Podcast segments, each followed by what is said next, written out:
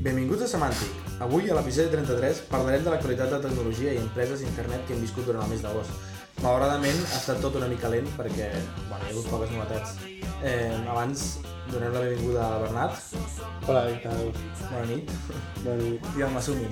Hola, bona nit. Com va, Masumi? Que per cert, el teu llit cruix una mica, no? Sí, no? És curiós. Estem tots al llit del Jordi i imagineu-vos la resta. Bueno, sí. Posaré una foto per desmentir que això potser és veritat. Eh, una de les novetats més grans d'aquest mes d'agost ha estat la, la, com es diu això, la sentència del judici entre Samsung i Apple sobre, sobre la còpia de Samsung uh, sobretot el disseny i, i parts de l'interface crítiques de, de l'iPhone 4 en concret, no? tot i que hi ha hagut altres, altres parents pel mig. Eh, què ens pots explicar això, Masumi? Mm, De fet, no molt. Bàsicament que Apple, Apple ha guanyat, no?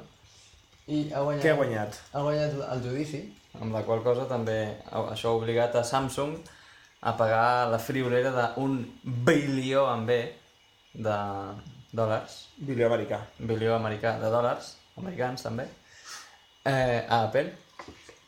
Eh, això doncs, ha provocat una mena de bulliment a la xarxa. Hi havia tot de tuits de... Hi ha molta controvèrsia, no?, sobre Sí. si això té algun sentit, si és positiu per la innovació, o no és positiu. Exacte. I, bueno, els típics fans d'Apple dient no, no sé què, tenim raó, no sé què, no sé quants. I els que els agrada Samsung dient ah, no sé què, no és per tant. Bueno. Es pot apel·lar? Eh, sí, i òbviament Samsung apel·larà, però, bueno, eh, no sé, probablement no guanyarà. Vull dir, això és el que vaig llegir també. Ahir es va difondre una notícia per internet que va arribar fins a algun mitjà de comunicació seriós, que és que Samsung havia enviat 30 camions plens de monedes d'un cèntim de dòlar a Cupertino, a la seu d'Apple, per, per pagar el bilió de dòlars i hi ha mitjans seriosos que s'ho van arribar a creure i ho han publicat. Eh, Que, bueno, ja hem parlat diverses vegades doncs, la vergonya de la credibilitat que tenen la majoria de mitjans amb notícies tecnològiques. sí. Malauradament Però no ni idea. l'o- l'objectiu d'aquesta- d'aquest hoax o d'aquesta broma, eh, exactament quin és? El de, el de tots Fer dos. caure de quatre potes als mitjans. Va. Demostrar... la I una altra pregunta. Eh, vosaltres què en penseu? Realment creieu que és una còpia? Sí. Sí, jo sigui, jo crec que que era una còpia era descarat. O sigui, és, és massa casualitat que de sobte Apple tregui un producte que és com és, que ningú se l'imaginava, perquè quan vaig veure un iPhone vaig dir, ostres, això és nou. I que poc després Samsung tregui una cosa que és eh, que fa el mateix. Vull dir, Jo crec que és indiscutible que estaven copiant. Sí. Ara, si això s'ha de penalitzar com s'ha penalitzat, i més d'una manera exemplar, un bilió de dòlars són moltíssims diners, fins i tot per una empresa com Apple o com Samsung, són moltíssims diners. Però copiar què, què vol dir, no? Si jo, jo dissenyo una taula i tu fas una taula...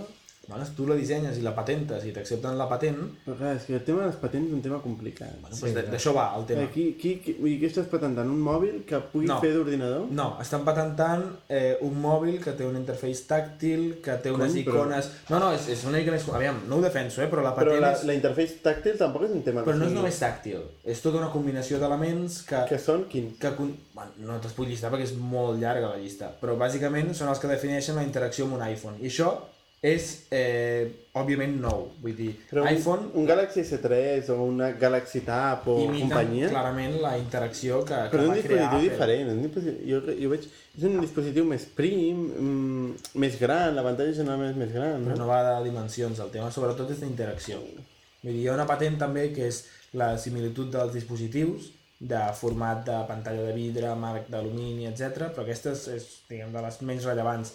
Les, les importants aquí són les d'interacció. Són patrons d'ús i d'interacció amb el software, que això clarament va innovar Apple.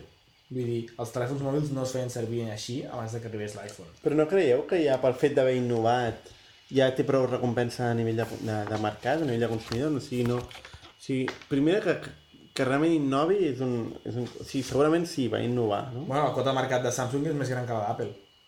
Per tant, no, no? O sigui, la recompensa no és prou gran en el sentit de que ells innoven i arriba una altra persona que per certes decisions de posicionament copiant les idees tenen un mercat més gran. Per tant, Apple considera que ells es mereixen aquesta part més gran de mercat i hi ha unes O sigui- lleis, o que són les sigui- lleis de propietat intel·lectual industrial que defensen aquesta posició. O sigui, és cert que la quota de mercat de Samsung és més gran que la de... Sí, És un fet, això. és un fet. I no per poc. Però estem parlant del mateix, del mateix sector, segment, Smartphones. smartphones. Ah, Samsung ven més smartphones que Apple. Però també té més gamma, no? Bueno, perquè volen. Ah, però té des del, des del feature phone, No, no, el, el telèfon canvia SMS, Samsung ven més smartphones que Apple. I tots els No smartphones que diners. vens, No guanya més diners. tots els smartphones que vens són còpies de... No, no, tots no, hi ha uns models. Per Vale, tant, dintre dels que copien l'iPhone, segueix tenint més, més quota de No mercat. ho sé. Un 22,25%. No sé, és que igual, igual Samsung és que competeix per preu, igual Samsung és que competeix per algun avantatge competitiu mm, diferent de, de, de l'Apple, no? Al final és el consumidor que tria. Eh, el que està clar és que quan... O sigui, el que està sempre clar és que quan algú obre un mercat té un avantatge important respecte a la resta de competidors que venen I Apple després. l'ha tingut. I per ha tant- i per tant això- Que no existia, Això no és eh, compensació suficient? segons les lleis de propietat intel·lectual, no. Industrial, no. Vale. Vull dir, És un debat molt més profund, el de si tenen sentit les patents en general. O sigui, el si tema, el les te... patents, o sigui, ningú més pot fer un smartphone touch amb pantalla sí de que vidre. pots, pagant royalties. Vull dir, pots. Igual que pots fabricar un tetrabric i pots fer moltes coses, pots fer implementar coses que estan patentades, però has de pagar els drets d'autor o els royalties. O sigui, vosaltres dos esteu convençuts, els dos, no? que això és una còpia, no? Jo estic convençut que és una còpia i que vulnera la normativa i així ho ha dit un, un tribunal. Ara, si això és bo per la innovació o no, Un tribunal ha dit moltes coses als Estats Units. sí, però el, jo crec que el debat interessant és si això... O sigui, Sí, un tribunal segons està... Apple... molts, molts estats est- americans eh, els tribunals determinen que els gais no es poden casar. Eh? No, no, I que, i que, i que la gent pot i que- portar i que armes t'han d'electrocutar si has fet que no d'electrocutar si has fet Val. no sé què. Però en aquest cas, i amb la meva opinió pròpia, sense entrar en més, vull dir, només cal veure'ls. Vull dir, com eren els mòbils abans, com, era, com va ser l'iPhone, Sí, que és una còpia, I com van sí. ser els- Vale? Jo, jo, això sí que podem discutir tota l'estona que vulgueu, però jo tinc claríssim que és un... s'han copiat moltíssims elements. Si, si això s'ha de penalitzar o no, és el que no tinc clar. I llavors, jo crec que el debat, que s'ha originat sobretot recentment, és si això afavoreix la innovació o no. En aquesta direcció, Tim Cook, que és el, el CEO d'Apple, va enviar una carta a tots els empleats d'Apple, una mica per explicar-los per què es havia fet això i convèncer-los de que Apple està lluitant per la innovació, per canviar el mercat, per crear coses noves, val? i Samsung els està penalitzant, perquè Apple fa tota una inversió en innovació que Samsung els hi, els hi diguem, resta mercat copiant-los. Llavors Apple Si diu... creu que, que, que dic Apple que- no, ve, no veu recompensada la seva inversió en, Oh, Tim en Cook innovació. els diu als seus empleats que Apple ha fet un esforç d'innovació molt gran i no han vist tots els beneficis que haurien d'haver vist per culpa de que Samsung els ha copiat. Ara, no sé si la multa d'un milió de dòlars compensa o no compensa. Això jo no sé si els números del Tim Cook diuen una cosa o l'altra. Però aquest és el missatge que, Jo crec que la que aquest innovació... memo intenta... intenta La innovació traslladar. recompensa el mercat, no crec que la innovació s'hagi perseguir una patent. Això és el mateix que les llicències de, de, biomèdic, de mèdiques, de, de, És que és, una, és, que és un altre tema complicat. Eh? O sigui, Bayern inverteix Jo crec que no és 20 el mateix. de dòlars. Perquè, No, però és similar. Perquè en qualsevol cas, eh, el problema de les farmacèutiques sempre està en països en vies de desenvolupament, en països amb necessitats bàsiques. Home, està tot Els- arreu, eh? No, Aquí també el tenim. no. I no tant, evidentment, perquè aquí no et mors. jo crec que és un altre tema. si et mors, pagues per la medicina. Estem parlant de necessitats bàsiques, estem parlant de, de salut, mentre que aquí estem parlant de, de, de mm, objectes que són purament... Eh, Bueno, estem parlant de que si no hi ha un benefici econòmic, no hi haurà una empresa privada que farà la investigació. I en el cas de la medicina Ja, però- és molt més delicat perquè és un tema de vida o mort. O per tant, la salut. discussió és el benefici aquest econòmic. Si realment el benefici econòmic hi és o no La investigació s'ha de suportar amb benefici econòmic. O, o la fa una entitat pública. Però una entitat privada no farà alguna cosa, en general, poques excepcions, si no els hi porta un rèdit econòmic. Llavors I no les patents... I no n'hi ha prou amb la, pròpia, amb la pròpia llei de mercat. O sigui, realment les patents eh, han d'estar per, per protegir-nos que la llei de mercat no funciona de per si, no? Aparentment. No t'ho sé dir. Bueno, això és una discussió molt llarga, que es Sí, podria sí. allargar eternament. És una discussió discutint, profunda. Sí, molt profundament sobre... en qualsevol cas, és la notícia a nivell tecnològic i... En qual- I, i, I en qualsevol cas jo crec que, que el sector en general sempre es beneficia per la competència. Es beneficia perquè hi hagi gent que faci coses i faci coses similars i, i tregui coses semblants a copiant- el que hi ha. Que copiar, copiar és una paraula, copiar, copia, copia tothom. Jo crec que la innovació està sobrevalorada, com diu el Caviedes, que és un inversor espanyol, Bueno, bueno. eh, de, de renom, no? Diu, la inversió està sobrevalorada. Ai, la, la, Innovació. la innovació està La inversió sobrevalorada. també. I la inversió seva també, eh? Realment també, eh? Però, Fent amics. però, però és així. És així, és així. Bé, eh, següent tema, tu. Sí. Bueno, una altra de, de les fites que s'han assolit durant, durant aquest mes d'agost, abans comentàvem, és una cosa que ens ha sorprès molt, que és el fet de que Barack Obama participés en un Ask Me Anything de Reddit. Reddit és un agregador de notícies o una comunitat online on la gent per temes, tenen com boards, eh, comparteixen informació i enllaços sobre, sobre una temàtica en concret, no?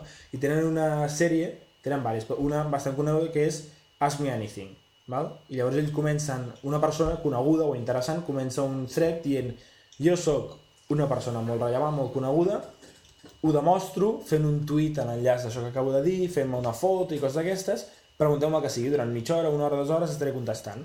I això, eh, diguem, n'hi ha hagut molts, molts casos de fundadors de Twitter, de Facebook, gent important del món de tecnologia, doncs han fet això, escriptors, i bueno, ens ha sorprès molt que ahir mateix va ser el mateix president dels Estats Units, Barack Obama, Mhm. que es va estar a Reddit com un friqui més, amb tot el respecte a les friquis, eh, com nosaltres, contestant preguntes a, a l'audiència que bueno, és el públic de Reddit, no? que és un, un target bastant Que era en, en temps real, no? Se suposa que la gent feia preguntes i ell estava allà Sí, sí, contestant. no, no, sí, sí, va ser durant mitja hora, la gent bombardejava preguntes, a Reddit tu votes, les pregu bueno, votes els comentaris i per tant els que pugen més, interpreto que són els que mira primer, i ell va contestant. Em pregunto fins a quin punt va ser ell que teclejava cadascuna de No, les tecles. va baixar una foto on se'l veu a ell amb un Mac camuflat perquè tapa la pometa amb una bandera dels Estats Units que no es veu que és un Mac eh, doncs el veus ell mateix amb una saleta una mica cutre contestant això jo vaig pensar el mateix, vaig pensar aquí està el típic community manager eh, guanyant el sou de l'agost Sí, no? Però no ho sé, la veritat és que tinc dubtes eh? no sé fins a quin punt és 100% ell 0% ell o alguna entremig I és curiós, també he vist que comentaven que és curiós que no estigués registrat el nom d'usuari, aquest pre President Obama. President Obama, aviam, no sé, tu creus que la gent registra el nom President Obama? I en cas que el registrin, Sí. tu creus que l'Obama no pot... mm, O sigui, en el moment en què fa un Ask Me Anything, no pot alliberar el No sé, això, Obama? això, sí, això sí que, clar, la gent comentava això, que és tan poderós, doncs que... Envia la CIA Exacte, als i, i, servidors de... i li deixen anar el, el nom d'usuari que vol, no? Però quin nom d'usuari? Dintre de, President de, Obama. de Reddit. sí. Dins de Reddit, una comunitat de milions d'usuaris. Sí, però President Obama, no sé. Si hi ha It My... No sé És igual, sí, m'ha servit que frase que no pintava gaire bé. Bueno, feien preguntes, algunes típiques patriòtiques, eh, quina està la decisió més difícil que has fet, què és el primer que faràs el dia de les eleccions, tant si guanyes com si perds, i Aquestes una... són típiques patriòtiques. Sí, sí. Bueno, jo crec que sí, no? Bastant tòpiques de periodista barato, amb tot el carinyo del món. Eh, I una m'ha fet gràcia, que l'ha compartit un, un amic que, que és un, un paio que treballa a Facebook, i que li va preguntar és cert que teniu una cervesa pròpia a la Casa Blanca? Es veu que hi ha uns que fan una cervesa i diu que sí, que estan a punt de publicar la recepta i que ell l'ha provat de primera mà i que és molt bona. L'Obama Sí, fa, fa temps que, I diu que ara sortirà la recepta. que la, la prenen allà a la Casa Blanca. Jo no ho coneixia. Mm. Li pregunten quin és el seu jugador de bàsquet preferit, diu que és el Michael Jordan. Mhm. Bueno, o sigui, podeu veure que és un, un, sí. tema, un tema així variat. I bueno, ens ha sorprès no? que una comunitat eh, com, com Reddit, que a més abans comentàvem, casualment és, és una startup de- d'aquesta nova fornada de startups amb fundadors tecnològics fent servir la, una mica la, les directius de Paul Graham, el fundador de Y Combinator, va ser una de les primeres startups que sortia de Y Combinator, La primera, no? Hem dit? del primer batch, sí, sí. Sí, van, van començar a l'hora unes quantes, però va ser de, del primer batch. del El primer 2005. batch de, de, De Y Y Combinator Combinator. és la que ha sobreviscut. Sí, sí, sí, sí. I Reddit i, i bueno, és un... Jo crec que és un milestone bastant important tenir el, el president dels Estats Units fent un Ask Me Anything com fa quatre dies era, era en qualsevol penjat de No, sí, això és un tema que també s'ha vist aquí a Catalunya en general, també s'ha vist entrevistes a les eleccions, entrevistes de candidats a les eleccions a través de Twitter. per exemple, no? I entrevistes a altres VIPs a través de Twitter, no? Com per exemple... Bernat Ferrero. Bernat Ferrero. Bernat Ferrero, sí. A mi em van entrevistar a la fira de... una fira d'emprenedoria, Bits Barcelona, no? Bit Barcelona, i la veritat és que és, un, és una mica raro el concepte d'entrevista a través de Twitter. Vas enviar el teu community manager allà, que et fes de negre. Sí, no? No vaig enviar, però estava sentat al costat. eh, home, és un risc, és un risc perquè no tens, no tens temps infinit per respondre, no? no. I, I llavors dius, hòstia, i la cago. I és Veu que, molta gent. és cert que tenies tot d'amics també se donen preguntes i coses d'aquestes. No, però això és Això el es fa, normalment es fa, no sé si va ser el cas. No, no s'ha cas. no, algú, algú podria preguntar, però realment qui, qui fa això són les agències. O sigui, això eh, generalment ho coordinen, aquestes entrevistes les coordinen agències aquí a Barcelona de màrqueting. Eh, no diré No nom. direm noms. I, I el que passa és que tots els nòvios i nòvies de tota la gent que treballa a l'agència són els que acaben fent les preguntes, no? Perquè encara costa arrencar aquest tipus de coses, no? Tu creus que la Michelle Obama estava fent preguntes sobre la Casa Blanca? Sí, sí, sí segur. No, aviam, amb, amb el president Obama igual té una mica més Digues d'influència de claca, no? Sí, Potser sí, Que, que, no que, pugui ser el meu cas, no? No crec que molt. Pot ser, pot ser. aviam. Pot ser, però... Anem a fer un leap of faith aquí de, del copon. I... Molt bé. Bueno, era una, era una curiositat, però també és, una, és un petit pas per les empreses d'internet i les startups de... Ara que dius Sí. petit pas, també m'he recordat que ha mort eh, Neil Armstrong, Sí. molt important. I relacionat amb el social media és bastant divertit, tot i que va ser una tragèdia. Bueno, conec personalment, el, el senyor Armstrong, però Bueno, una sí que és una mala no? notícia en general. Eh, però va, va ser bastant divertit a l'efecte que es va crear a les xarxes socials on la gent, degut per la mateixa setmana, Lance Armstrong li van treure tots els tours de França, Ah, que va sí. morir Neil Armstrong, i, i hi havia tota la cadena de el tio va a la lluna i guanya set tours i a sobre us en rieu d'ell i va haver-hi tot- tota una polèmica de gent que no entenia la diferència entre Neil Armstrong i I Lance Lance Armstrong i, i després es van crear les conyes de i a sobre és el millor trompetista que hi ha hagut a la història per això ja era de broma. Però els primers sí que eren veritat. És bastant divertit. I això és, perdó, relacionat ja amb, amb la, diguem, anterior subnormalitat de les xarxes socials que hi va haver fa, fa tres setmanes, que és el tema de les Olimpíades. Quan es va dir que era l'edició número 30 de les Olimpíades i que havien començat fa 3.000 anys. Ah, sí. i la gent deia com pot ser si les fan cada 4 anys que hi hagi, Sí, hi hagi que- hagut només 30 Olimpíades en 3.000 anys? I un altre que deia el món no existia fa 3.000 anys, és impossible, no quadra. I bueno, tota una polèmica que bastant forta. Jo em pregunto com algú té tant poder influenciador com per organitzar, o sigui, que, el, que digui el món no existia fa 30 anys i que això organitzi alguna cosa a la xarxa social, no? O sigui, ja tenim molt un poder influenciador alt, no? no t'he entès. Sí, el món com- no existia fa 30 anys Tu has dit el món no existia fa, fa 3.000 anys fa 3.000 anys i això ho va dir un tio, no? molta gent del Twitter, sí Molta gent. molta va- gent, molta gent, la incongruència de fa 3.000 anys de les Olimpíades, però estem al 2012. No pot ser! Això no, no sembla estúpid, perquè sembla estúpid, perquè ho és, però molta gent ho va dir. Això sembla un També- turisme bisbal, no? També vaig veure... Sí, sí, molt semblant. Vaig veure un tuit que era molt semblant, Ramos. que deia... Deia... le- No Ha mort Neil Armstrong, el primer home en trepitjar un planeta que no és la Terra. bueno, però aquest és molt menys greu que el de Sí, fa veritat, 3.000 sí. anys no existia la Terra. Sí. Vull dir, realment la classe d'història... Parlant de, de, també de, de xarxa, xarxes socials, d'històries virals, eh, no sé si heu sentit parlar últimament de la xapa de leche mono. Ah! Jo mai sé com es diu, Eche Mono, Eche Homo, Eche... Eche homo, eche homo, no? Eche Homo... Què? Eche mono. No, no, és que no tinc clar, eh? Jo no tinc clar. El Borja, el Cristo Borja. El Cristo de Borja. Sí, el Crist de Borja. Però mono, mono em sembla que no és. Crec que és homo, ex No de sé. homo, sí. Bueno, Bueno, la, la famosa restauració de- d'aquesta pintura del poble de que Borja... ha donat la volta al món. Sí, sí, sí, meus, sí. Sí, sigut cosins. també una història brutal, que un impacte mediàtic, I vaig veure viral... a les notícies de, de la tele que fins i tot sortia alguna de xapes, no? Sí, de fet, nosaltres, eh, Camalún va ser un tema que va ser una idea d'un d'aquí, de, concretament de l'Isaac, el nombrarem, que, que va tenir aquesta idea i el Carles, que, que és molt bo... Que vam entrevistar a l'anterior episodi. socials. Exacte, el vam entrevistar a l'anterior episodi. Eh, ostres, ho va aprofitar ràpidament i, i, i bueno, vam aconseguir un impacte impre bastant impressionant. I és per ficar-se a, la- a la cresta de la ola amb, un, amb una d'aquestes tendències que acaben tenint una repercussió important, no?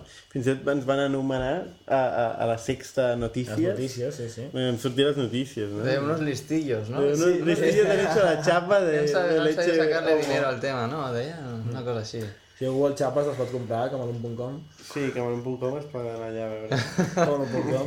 No, no. ¡Y con un par de jamones! Doncs sí, el mes d'agost, com que la gent no treballa, perd molt de temps a les xarxes socials i s'està notant. Sí, sí. És curiós, no, això també és un fenomen curiós. Sí, el mes d'agost, xarxes socials i mòbil. Instagram ha estat traient fum cada dia, Clar. fins al punt que, no sé qui ho comentava, algú de, algú de nosaltres fa, fa 4 o 5 dies, que Instagram no anava durant un dia sencer, i, Ah, sí? i crec que és com el, el, era el, el divendres o el dissabte que mitja Espanya tornava de vacances, Sí. d'estar offline durant dues setmanes i llavors pugen totes les fotos de la seva visita a Nova York o a Cancún o collons. Sí, nosaltres a principi d'estiu Google, els consultors nostres de, de Google, justament ens van, ens van comunicar això, no? Diu, invertiu en, invertiu en, en mòbil, bueno, sempre t'acaben aconseguint invertir d'alguna forma en Ah, Google. val. però, però ells deien que o sigui, a l'estiu el, el consum a través del dispositiu mòbil augmenta d'una forma brutal. Això no? s'ha contrastat, eh? Hi ha hagut una pila de notícies de Sí, sí, sí. augments increïbles de transaccions en e-commerce durant el mes d'agost, Uh -huh. amb mòbil. Sí, sí, sí. no, sí, és interessant. Suposo que en detriment de, del que no és mòbil, però bueno. I a més amb connexions hiperlentes, perquè la gent se'n va als pobles, que hi ha una merda de connexió. És el meu cas, eh? Parlo Respecte meu... pels pobles, eh? Parlo del meu cas. No, sí, tot el respecte del món, eh? Però, aviam, això no pot ser ja. Eh, I ara Sisplau. estem És una protestant... Jo, denúncia, jo, és una Sí, és denúncia. una denúncia, eh? jo vull protestar també contra el roaming. El roaming a Europa, estem en... Això també, això és... Comunitat Europea, per favor, que, que desapareixi aquesta, aquesta A mi m'encanten les tarifes aquestes de 100 cas per un euro. Ah, sí. O coses d'aquestes, totalment absurdes. Que, que amb un minut d'internet has baixat De- 70 megas Principis dels 90, sí. i et encaixaria. posen tarifes per cas. Y que digo, te puedes bajar 50 correos... O dos y- fotos. O dos, sí, o dos fotos. Bien. O 30 segundos Qué d'àudio. guai. Pues no, això ha de canviar i ha de canviar ja, si us plau. Molt bé, fins aquí l'espai denúncia de S'ha dit podcast. Eh, una de les, bueno, no hi ha hagut moltes novetats, com comentàvem, però sí que curiosament algunes empreses s'han posat les piles per, per millorar temes de seguretat i una altra no, com comentarem ara. El tema de seguretat és el tema que es toca a l'agost. Perquè com que no té directament repercussions en facturació, No té ROI. no té ROI... Pues doncs ja que s'ha de fer alguna cosa, no? Exacte. Els enginyers que no se'n van de vacances es dediquen a millorar seguretat. Un dels... Digues, digues. No, no, digues, digues. Bueno, un dels casos que volíem comentar, que, que és bastant interessant, perquè abans parlàvem per fet de, diguem, fora de micròfon, de la privacitat de, de serveis tipus Dropbox i de per què pots fer servir i per què no.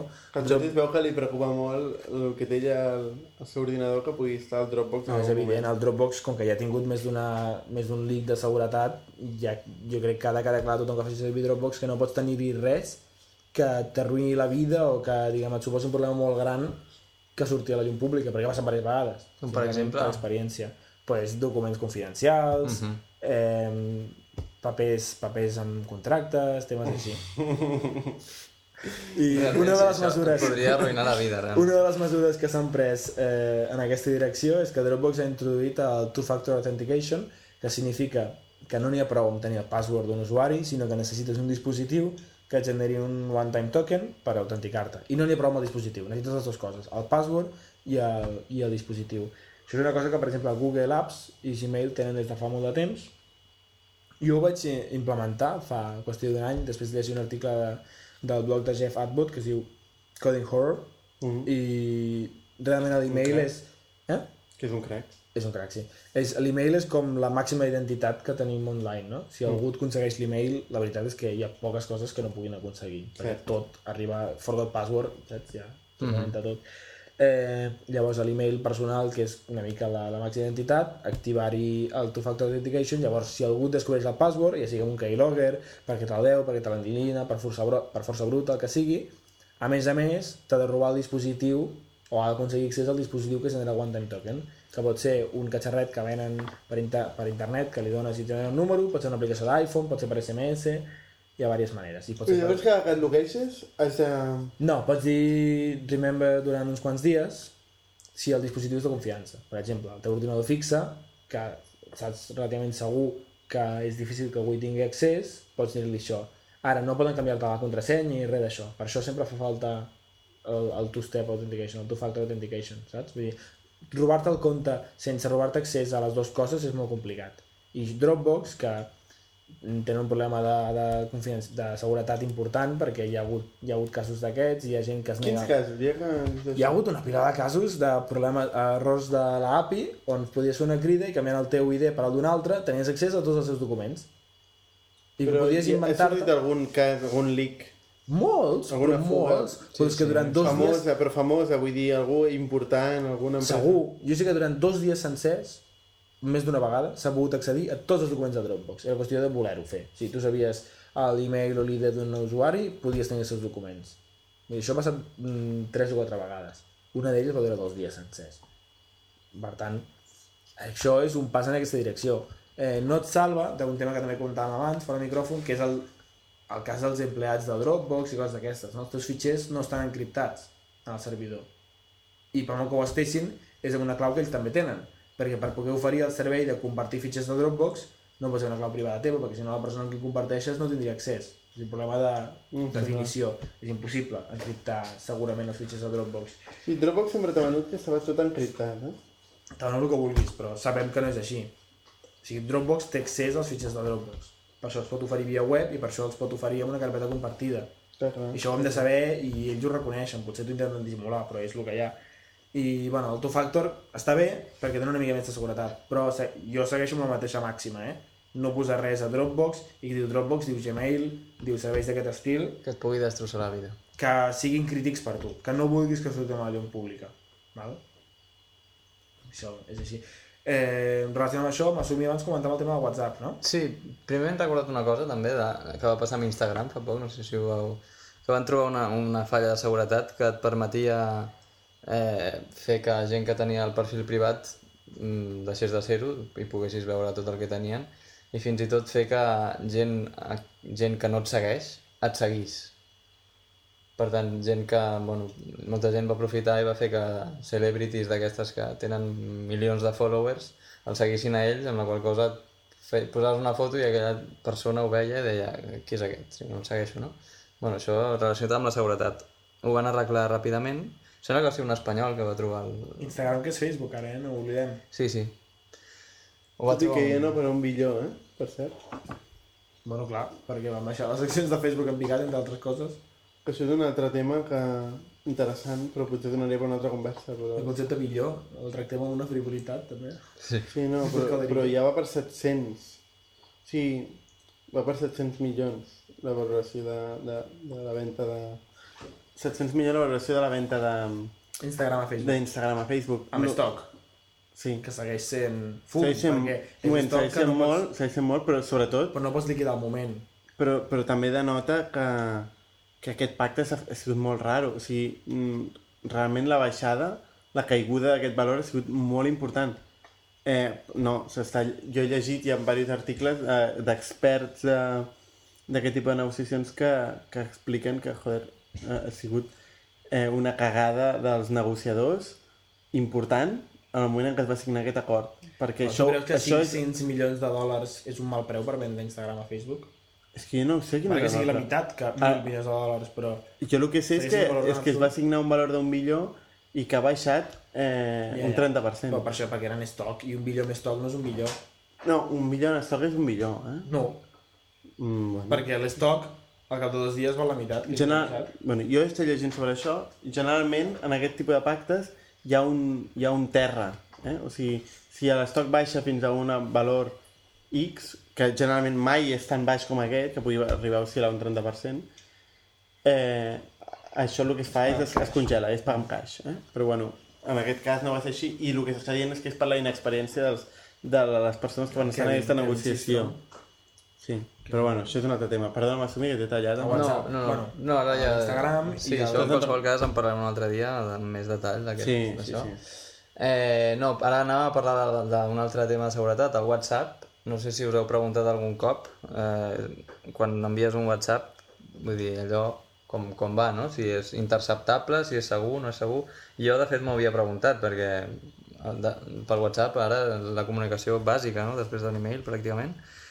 I a vegades, doncs, no sé... I en general ho fa servir per coses més personals Exacte, que no l'email, que és per més professional. I ho fa servir, servir moltíssima gent. I jo m'ho havia preguntat, havia fet recerca sobre aviam, com, com funcionava, i la veritat és que no se'm va acudir posar, vull dir, activar la part tècnica i començar a mirar, no? Però eh, amb la notícia que ha sortit avui, eh, que diu que WhatsApp ara, ahora sí encripta los mensajes, he, he entès doncs, que abans no. I per tant ha estat tot aquest temps que ha existit enviant els missatges amb text pla. Això implica doncs, que si estaves en una xarxa wifi pública, per exemple, mm, tot el que deies era subjecte, estava subjecte a ser escoltat, a ser llegit per una altra persona aliena. La qual cosa em sembla descabelladament perillós. I, no sé, molt fort. Sí, bueno, bàsicament el que, el que vens a dir és que fins, fins fa molt poc qualsevol persona fent servir WhatsApp per wifi amb una xarxa on hi hagués més gent, tot el que deia era bàsicament públic Mhm. per qualsevol persona que estés esnifant, que significa analitzant el tràfic d'aquella xarxa. De fet, hi havia aplicacions... cocaïna.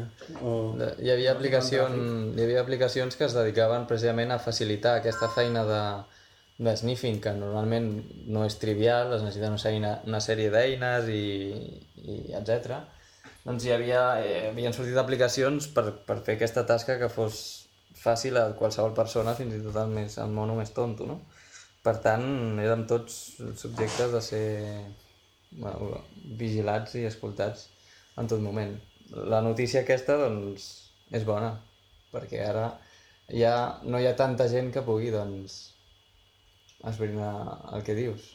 Uh -huh. Però com dèiem abans... Hem parlat a diversos podcasts, no? La importància de l'encriptació Mhm. de les dades en el moment de, de, de, de transferència amb xarxes inalàmbriques, En el moment que, del Fireship, el que passava amb Fireship, eh, amb Facebook, en la, quan la gent podia veure, identificar-se en el en nom teu en, en Facebook i Hotmails, Hotmail i Twitters... companyia, no? Sí. A poc a poc això la gent es va ficant les piles i va encriptant les coses, no? sí, bueno, Nosaltres aquí sempre ho fem tot encriptat, ja Tot. estem molt conscienciats d'aquest problema. Eh? sí, sí. Eh, següent tema? Sí, bueno, relacionat amb la seguretat, tot i que més que seguretat és privacitat, eh, és un clàssic de les muntanyes, que és Facebook. Eh, jo hem vist un article interessant a, a TechCrunch que explicava un canvi de disseny que havia fet Facebook per, diguem, dissimular la perillositat de donar permisos una aplicació externa. I, i està bé, perquè és molt senzill, és molt obvi, però és molt, molt il·lustrador de l'objectiu de Facebook. No? T'ensenya la finestra d'abans d'autoritzar una app externa a fer servir les dades de Facebook i la finestra actual. I punt per punt et comunica, aquest article de TechCrunch, eh, quins són els passos que han donat. Mm, Resumides comptes, abans, quan et demanava permís una aplicació externa, et deia eh, permís, per, eh, request for permission, i et deia quines dades accediria i per què això era perillós i quina era l'aplicació i tenies una tria entre donar permís o no donar permís eh, enllaçarem l'article perquè ho veieu que gràficament és molt més clar i la nova versió és imatges, descripció de l'aplicació i un únic botó amb un call to action claríssim que és accepta i l'opció de, de negar és simplement per passivitat, no? és per tancar mm -hmm. la finestra i les accions que poden passar que abans estaven super destacades amb icones i negretes i tal, ara estan amagadíssimes amb textos Sí. grisos, mig clars i fora de, fora de l'abast del que una persona llegeix Home, això és fantàstic. El... això és fantàstic, això et demostra Facebook què vol. Facebook vol curar-se en salut, però vol que tu acceptis. Sí. Perquè el model de negoci de Facebook és compartir les teves dades. L'advertiser. Vol compartir les teves dades. A l'usuari li porta una merda. Client de Facebook. Però si aquest canvi és super il·lustratiu. Sí, perquè abans, la, a més, la paraula era allow, don't allow, Exacte, permetre la i no tria, permetre. era una tria, sí. per començar. I les paraules eren molt clau, era permet, Sí. permetre, llavors, per, permetre què, no? Ara, és que ara la paraula és play game. En el cas d'aquest, que és el d'un és un joc, joc, no? És play game. En el cas d'un altre... O sigui, és l'acció que l'usuari saps que vol prendre. Clar. Sí, això va totalment en contra de l'usuari, la seva privacitat, Sí, sí. però va a favor de la gent que utilitzem Facebook com a plataforma I del model de negoci de Facebook. per identificar el nostre usuari, no? Sí. Sí, evidentment el model de negoci de Facebook és l'advertiser, és la persona que fa publicitat i això es veu, es veu clar ara i es veurà clar cada vegada més a mesura que les necessitats de Facebook de caixa vagi augmentant com qualsevol altra empresa, no? Mm -hmm.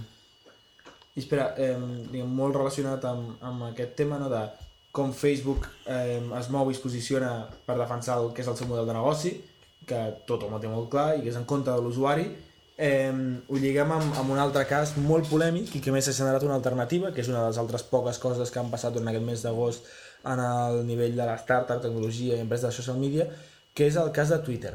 Twitter porta molts mesos sent criticada perquè tots els moviments que fa són en contra de l'usuari i a favor del mitjà de publicitat que, que és. O sigui, Twitter eh, limita les APIs perquè gent externa pugui explotar Twitter per, diguem, per consumir dades i obliga la gent a fer servir els canals oficials que són els que tenen publicitat, els que tenen promoted tweets i els que tenen el Discover i els que tenen tota la merda que és qui dona diners a Twitter. Val?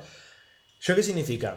Que el model de negoci de Twitter està en contra del benefici de l'objectiu de l'usuari de Twitter saps? No estan alineats. L'usuari de Twitter vol una cosa que és una plataforma de compartició de micromissatges, de microblogging, molt integrable, amb una API que es pugui integrar amb clients, amb altres comunicacions, amb, Amb altre aplicacions hardware, amb que explotin, amb hardware, etc. I Twitter no vol això. Twitter vol agregar-ho tot i ser un canal on tingui usuaris que consumeixin la seva publicitat. On et puguin enxufar, exacte. Això ha anat evolucionant cada vegada més fins que s'han prohibit aplicacions, s'han denegat clients tercers de Twitter, Twitter ha comprat els més grossos, va comprar Twitter, eh, perdó, Tweety, va comprar TweetDeck i diguem, ha anat matant els altres, mica en mica.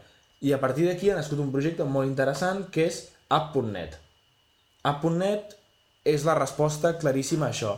És, eh, ells, ells ho interpreten més que com una xarxa social, és la plataforma del feed social. Val? És tot el que tu construeixis al voltant del social tindrà una API, que serà app.net i sempre tindrà l'objectiu de negoci alineat amb l'objectiu d'usuari, perquè són comptes premium. O sigui, app.net té com a únic model de negoci les comptes d'usuari. L'usuari paga per tenir un compte app.net. Per tant, app.net mai fa res en contra de l'usuari. L'usuari què vol?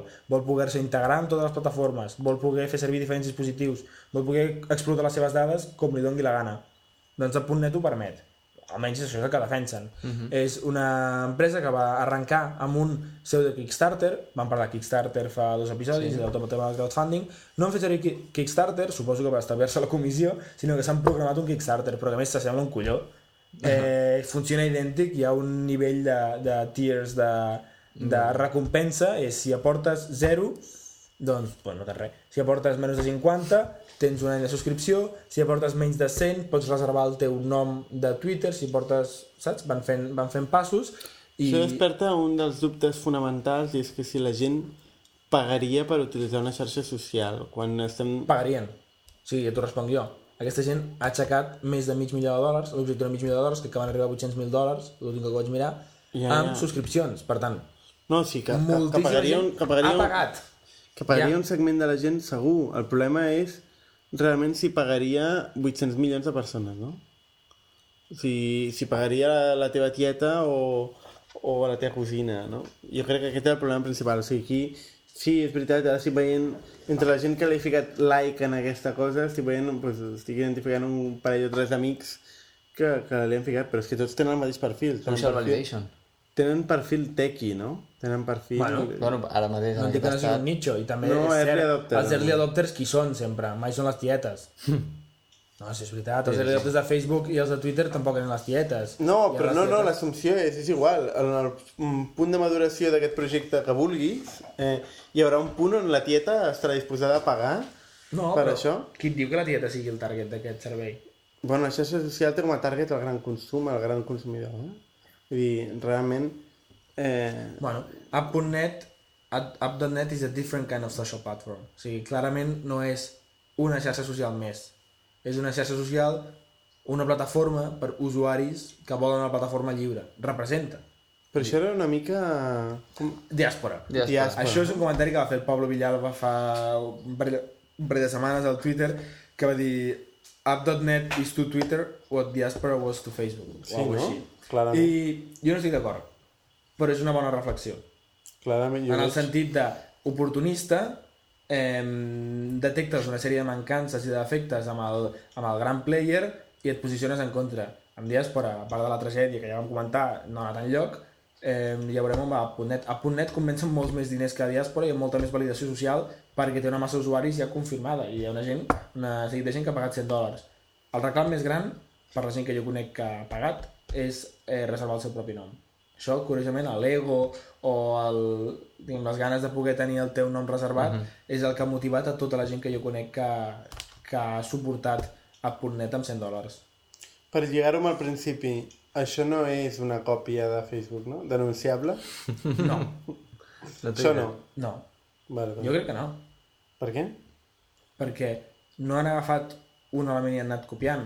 O sigui, la idea de tenir una xarxa entre persones, que ja Sí, ha no, en moltes, aquest cas una còpia de Twitter, eh? Perdona. Sí, seria de Twitter.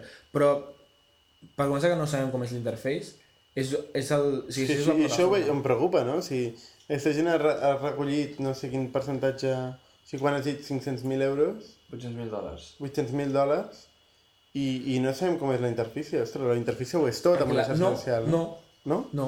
La, les xarxes socials, Aquí és el el que ho és tot són les integracions.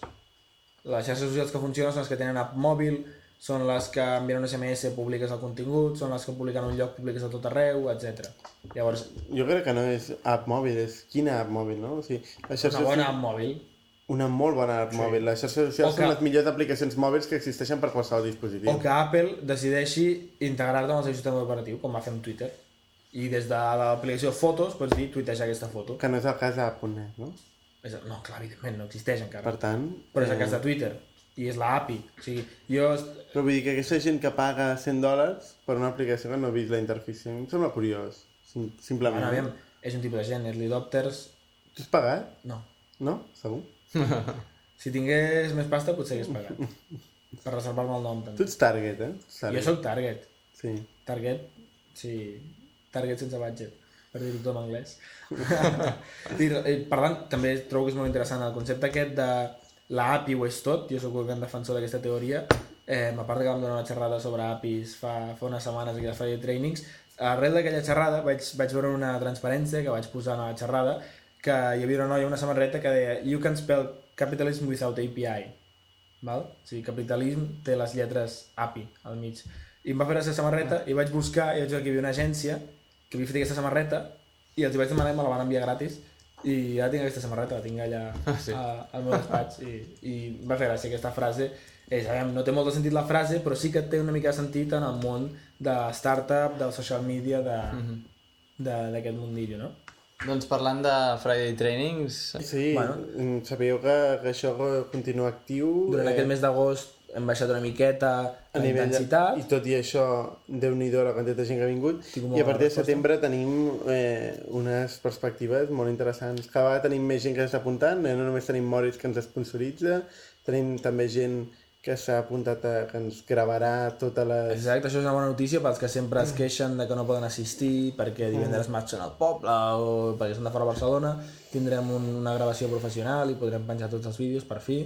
Des d'itnic.net podeu subscriure-us al newsletter pel qual rebre la informació de quin és la- l'event. Mm, Recordeu que són tots gratuïts, amb cervesa gratuïta també, eh, que, que es fa cada divendres, divendres sempre a la tarda, a partir de les 6, Sí, mitja? 6, 6 i mitja, i, i, i bé, mm, i esteu tots convidats. exactament. I tant.